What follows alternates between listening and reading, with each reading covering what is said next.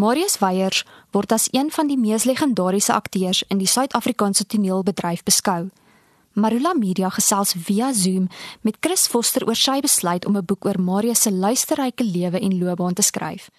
Goed Chris, waarom het jy besluit om spesifiek 'n boek oor Marius Weyers se lewe te skryf? Wat het jou gemotiveer? Sjoe, waarom nie? Hy is seker die mees bekende akteur en mees gerespekteerde akteur veral van daai generasie. So ek het aanvanklik ek het hom al so een of twee keer gepols baie lank gelede en hy het almekaar net gesê nee wat dit gaan nie gebeur nie en uh toe ek met Frans se boek besig was, Frans Marx se boek besig was, toe het ek een of twee onderhoude met Marius ook gehad want hulle was vriende in die 60s. En toe het ek weer vir Marius gesê, hoorie, dit is tyd. Ek dink ons moet maar die ding doen en toe hy ook maar nog 'n paar keer neergesê en toe hy uiteindelik Frans se uh, boek gelees en my proefskrif oor Frans gelees en toe hy so ek sou sê omtrent so Junie laas jaar, Junie Julie laas jaar het hy ingestem. Ek het derentyd met Marius gesels oor die inhoud wat jy in die boek ingesluit het en was dit vir jou belangrik dat dit sy goedkeuring wegdra? Ek het nie derentyd met hom gepraat terwyl ek geskryf het nie, maar wat ek gedoen het is ek het 'n onderhoud met hom gehad, was so week by hom in Augustus verlede jaar 2022. Dan het ons nou gewerk so rondom Iwet se skedule ook, jy weet, dit was maar maar moeilik, maar dan het ons nou sê maar so 2, 3 uur uh, in die oggend gepraat en sê maar so 2 ure nog in die middag gepraat. So ek was so 4 of 5 dae by hom in Augustus laas jaar en toe het ek alles gaan transkribeer en ek het baie van my navorsing begine doen toe ek in Januarie uh die, hierdie jaar 2023 as ek weer na hom toe. Toe sê ek vir hom okay hierdie is wat ek reeds het. Hierdie is die navorsing wat ek reeds gedoen het. Hierdie is wat ek nog wil weet. Toe ons nog uh, vir so ek sou sê so 3 4 dae min of meer op dieselfde patroon as in in 2022 gesels. En toe het ek begin skryf so middel Februarie toe ek nou al my navorsing en al die al die inligting bymekaar gehad. Ek het nog so een of twee gaskunstenaars gehad om mee te praat, mense wat ek wat nou sy vriende was, maar oor die algemeen was ek so sê 90% van die navorsing klaar. En toe ek dit geskryf teen 'n spoed en ek dink ons het teen ek dink Junie-ish hierdie jaar toe ons vir Marius die eerste probeerslag gestuur toe het ek vir hom gesê, "Oké, okay, lees nou deur dit kyk wat jy van hou, kyk wat wat of ek feite foute gemaak het, wat gaan aan daarso. En toe hy laat terug weet dit is 100%. Hy het so twee of drie klein goedjies gehad, sê maar nou so sy sussie se naam wat ek ek het sy twee sussie se name verwar op 'n plek en klein goedjies. Maar oor die algemeen het hy sy gesê dit is baie lekker, ons kan voortgaan. En een van die eposse aan my, het jy Marius se lewe as ongelooflik beskryf. Ehm um, ek dink mense wat ook die boek lees sal ook agterkom dat daar baie fasette van sy lewe en sy loopbaan is, maar wat bedoel jy presies as jy praat van 'n ongelooflike lewe? Nee, Jessie, die woord is so beskrywend eintlik want die woord sê vir ons jy kan dit nie glo nie. Ongelooflik is eintlik dit slaan jou letterlik omtrent stom van wat hy alles gedoen het. Dit is nie net vir my sy professionele lewe wat ongelooflik was nie. Dit was ook sy balans as mens, hoe hy veral ten opsigte van Iwet en sy huwelik maar ook hoe beskeie hy derentyd gebly het ten opsigte van alles wat hy vermag het en ook sy besondere talent. So ek weet in die boek skryf ek dat Marie se gunsteling woord is wonderlik. So dis 'n wonderlike lewe is vir my amper nog 'n stappie laer as 'n ongelooflike lewe. Ek dink ook jy kan dit eintlik ongelooflik sê ook vir my jy kan amper nie glo dat een mens regtig al daai goed gedoen het nie. Ek sê in die boek daar bestaan en vir mense net om te bewys dat nie ek of Marius Jok nie het ek meeste van sy goeders gekontekstualiseer met koerantberigte of van sy vriende wat oor daaroor gepraat het. So niemand gaan dit lees en voel maar Jessie mens dik dit aan nie. So nee, dit is dis my ongelooflik in terme van die balans eintlik meer net van Jesus so verskriklik baie goeders gedoen, maar ook so 'n wonderlike lewe gehad en so beskeie en so so lief vir sy vrou en vir die uh, royals waar hulle gebly het en vir die natuur. Dis 'n is 'n wonderlike kombinasie wat hy reg gekry het wat ek dink bin mense reg kry. Wat is een van die belangrikste goed van Marius as mens en sy lewe wat mense miskien nie van hom weet nie wat jy graag in hierdie boek wou uitlig of beklemtoon? Ek sou nie sê beklemtoon nie, maar ek dink wat derentyd uitkom is dat almal van ons het 'n uh, geveg wat ons moet beklei teen net die lewe, net teen die die lewe se aanslag. Marius het van jongs af 'n paar terugslae gehad in terme van goeders wat regtig baie hartseer was in sy lewe, ook in sy loopbaan. Baie van die goeders wat in Hollywood gebeur het en oor see gebeur het, kon baie mense totaal en al teneergedruk het amper en heeltemal depressief gemaak het, maar Marius het altyd die vermoë gehad letterlik van die 70s af wat is so in die begin van sy loopbaan af regdeur om op te staan na ongelooflike terugslag. En niemand weet van die terugslaan nie. Vroeg in die boek dan sê ek as jy instem vir 'n biografie is dit baie maklik om net te praat oor jou suksesse. Dis baie maklik om te sê jy 13 beste akteur toekenninge gewen en jy is so en so en so, maar dit is moeilik om te sê maar hoorie hartprobleme en obviously die wetse ongelooflike siekte wat so impak op hulle lewens gehad het. Marius het het al sy broers en susters oor die jare al verloor. Daai emosionele goeders plus dan nou soos ek sê baie teleurstellings in terme van groot goed wat kon gebeur en net op die laaste minuut is dit gekanselleer en sy lewe as jy daai boek lees is nie net 'n inspirasie vir mense wat in die industrie is nie dis 'n inspirasie vir ons almal wat net basically deur jou dag en deur 'n week wil kom om te sien wat hy gedoen het en hoe hy daarmee aangehou het, elke keer opgestaan het. Een van die goed wat vir my uitgestaan het, is die moeite wat hy van die begin af gedoen het om sekere vaardighede te ontwikkel en as akteur te groei. Dink jy dit was een van die sleutels tot sukses vir hom dat hy hard gewerk het en is dit 'n soort les vir jonger akteurs wat hulle by Marius kan leer? O ja, o ja, kyk uh, om na die tweede deel van die vraag te kom, dit is nie net 'n les vir jong akteurs nie, dit is 'n harde werk en dissipline is 'n les vir almal.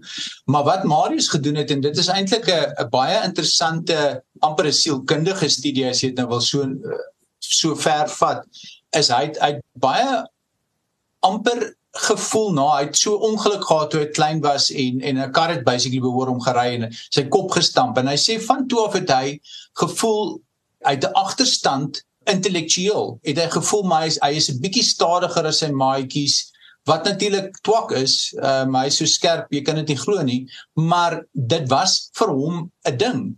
En toe hy by truk begin en al sy maats het grade hulle het almal gaan studeer op universiteit maar Marius as gevolg van uh, hoofsaaklik finansies kon nie gaan studeer nie.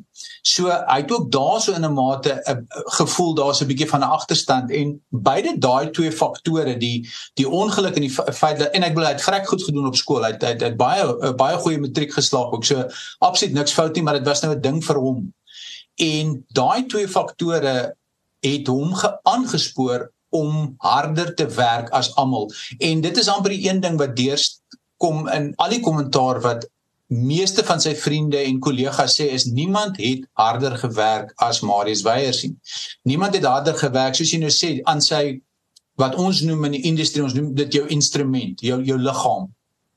As hoe hoe werk ek aan my instrument? Met ander woorde, Marius het gedans, hy het geweldig baie stemklasse geneem en hy was fisies, hy het baie geoefen, hy het fiks gebly en al daai goeders help jou instrument ontwikkel.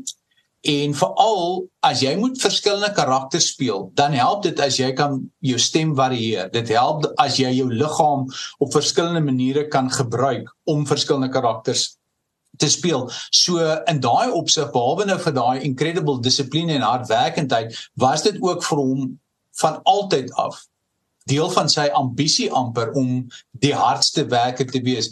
Hy arriveer meeste van die kere. Ek het nou 'n paar keer uh, regie gedoen in produksies wat hy vir my gespeel het. Hy arriveer met sy teks klaar neergesit.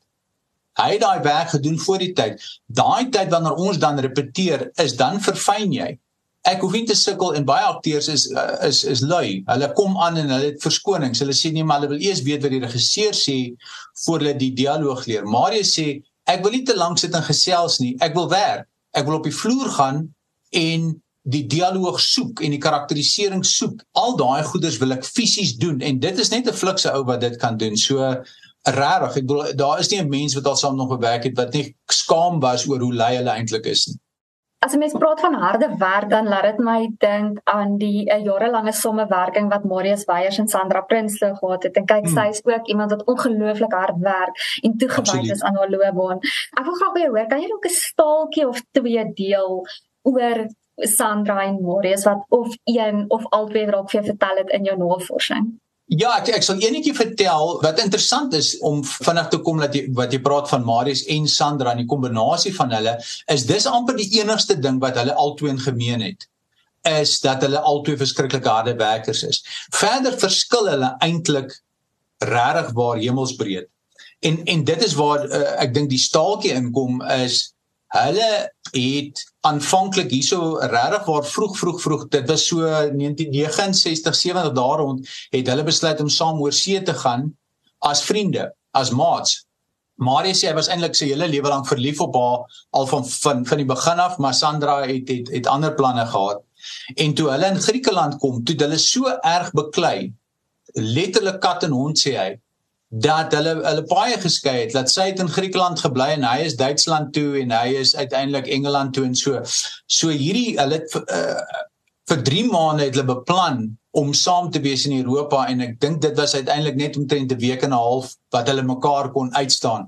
So hy sê dis verskriklik snaaks, so sosiaal kom hulle nie eintlik oor die weg nie want hulle is sulke verskillende mense alhoewel hulle baie goeie vriende is en hulle werk ongelooflik saam omdat beide van hulle so geweldig gedissiplineerd is en ook doelwit gedrewe is al daai goeters maar dit is net interessant dat dat, dat hierdie twee amper teenpole baie verskillend in baie opsigte hulle werk geweldig goed saam maar kyk die hele volk wou hier in die 70s 80s gehad het Marius en en en en Sandra moet by mekaar uitkom jy weet.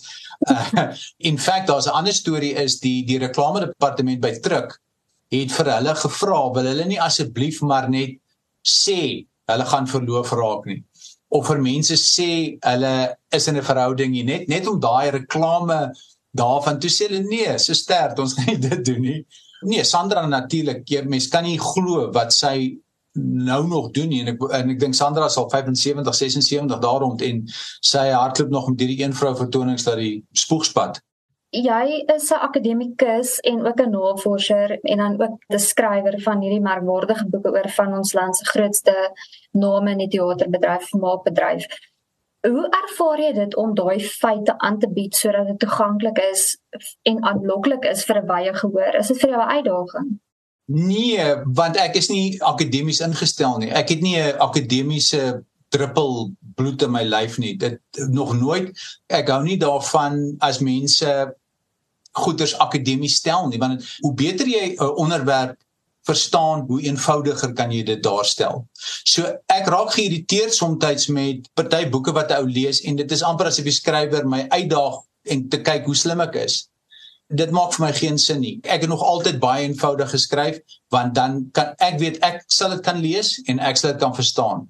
So wat wel 'n bietjie van 'n uitdaging is is juis om party goedes te kontekstualiseer om vir die leser dit in die regte wêreld te sit. Ek was verskriklik opgewonde toe Jana Celie op 'n stadium praat van die goue tydperk van Pretoria en waar al daai mense so geweldig skepend gewerk het en dit was vir my soos 'n ontwaking amper toe toe sy dit sê en ek begine besef maar Marius se tydsberekening in terme van wanneer hy by Truk aangekom het die mense saam met wie hy gewerk het plus hy daai goue era van Pretoria en van daai met die 60er skrywers en met al daai vertalers en ook die begin van Truk want toe NTO toemaak en Truk begin was almal gereed om die beste kwaliteit Afrikaanse teater op die planke te sit. So in daai opsig was dit vir my wonderlik en en ek moes toe moeite doen om dit vir die leser ook te kontekstualiseer om vir hulle te sê hierdie is die tydperk waarin Marius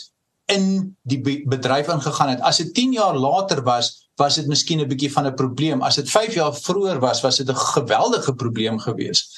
Dit is vir my die lekker deel van die navorsing is uh, hoe meer inligting jy het van verskeie oorde af, hoe meer kan jy dit in konteks plaas vir die leser. Ek sien dit nie as akademies nie, ek sien dit meer net as goeie navorsing of of wyd lees. Die boek het pas verskyn. Wat beplan jy om 'n volgende boek te skryf of wat lê vir jou voor? Hoe lyk die toekoms? ja, dit is uh, uh, by elkeen van die boekvrystellings vra mense dit en ek voel natuurlik geweldig gevlei dat mense dink ek moet nog 'n boek skryf. Die groot uitdaging is ek het 'n voltydse werk. Ek gee klas. Ehm um, ek en jy praat nou in 'n aftydjie tussen klasse en so. So ja, ek gaan nie ophou skryf nie. Ek wil verskriklik graag want ek dink dit is 'n uh, bydrae wat ons nodig het in Afrikaans is dat iemand skryf oor hierdie sterk invloede.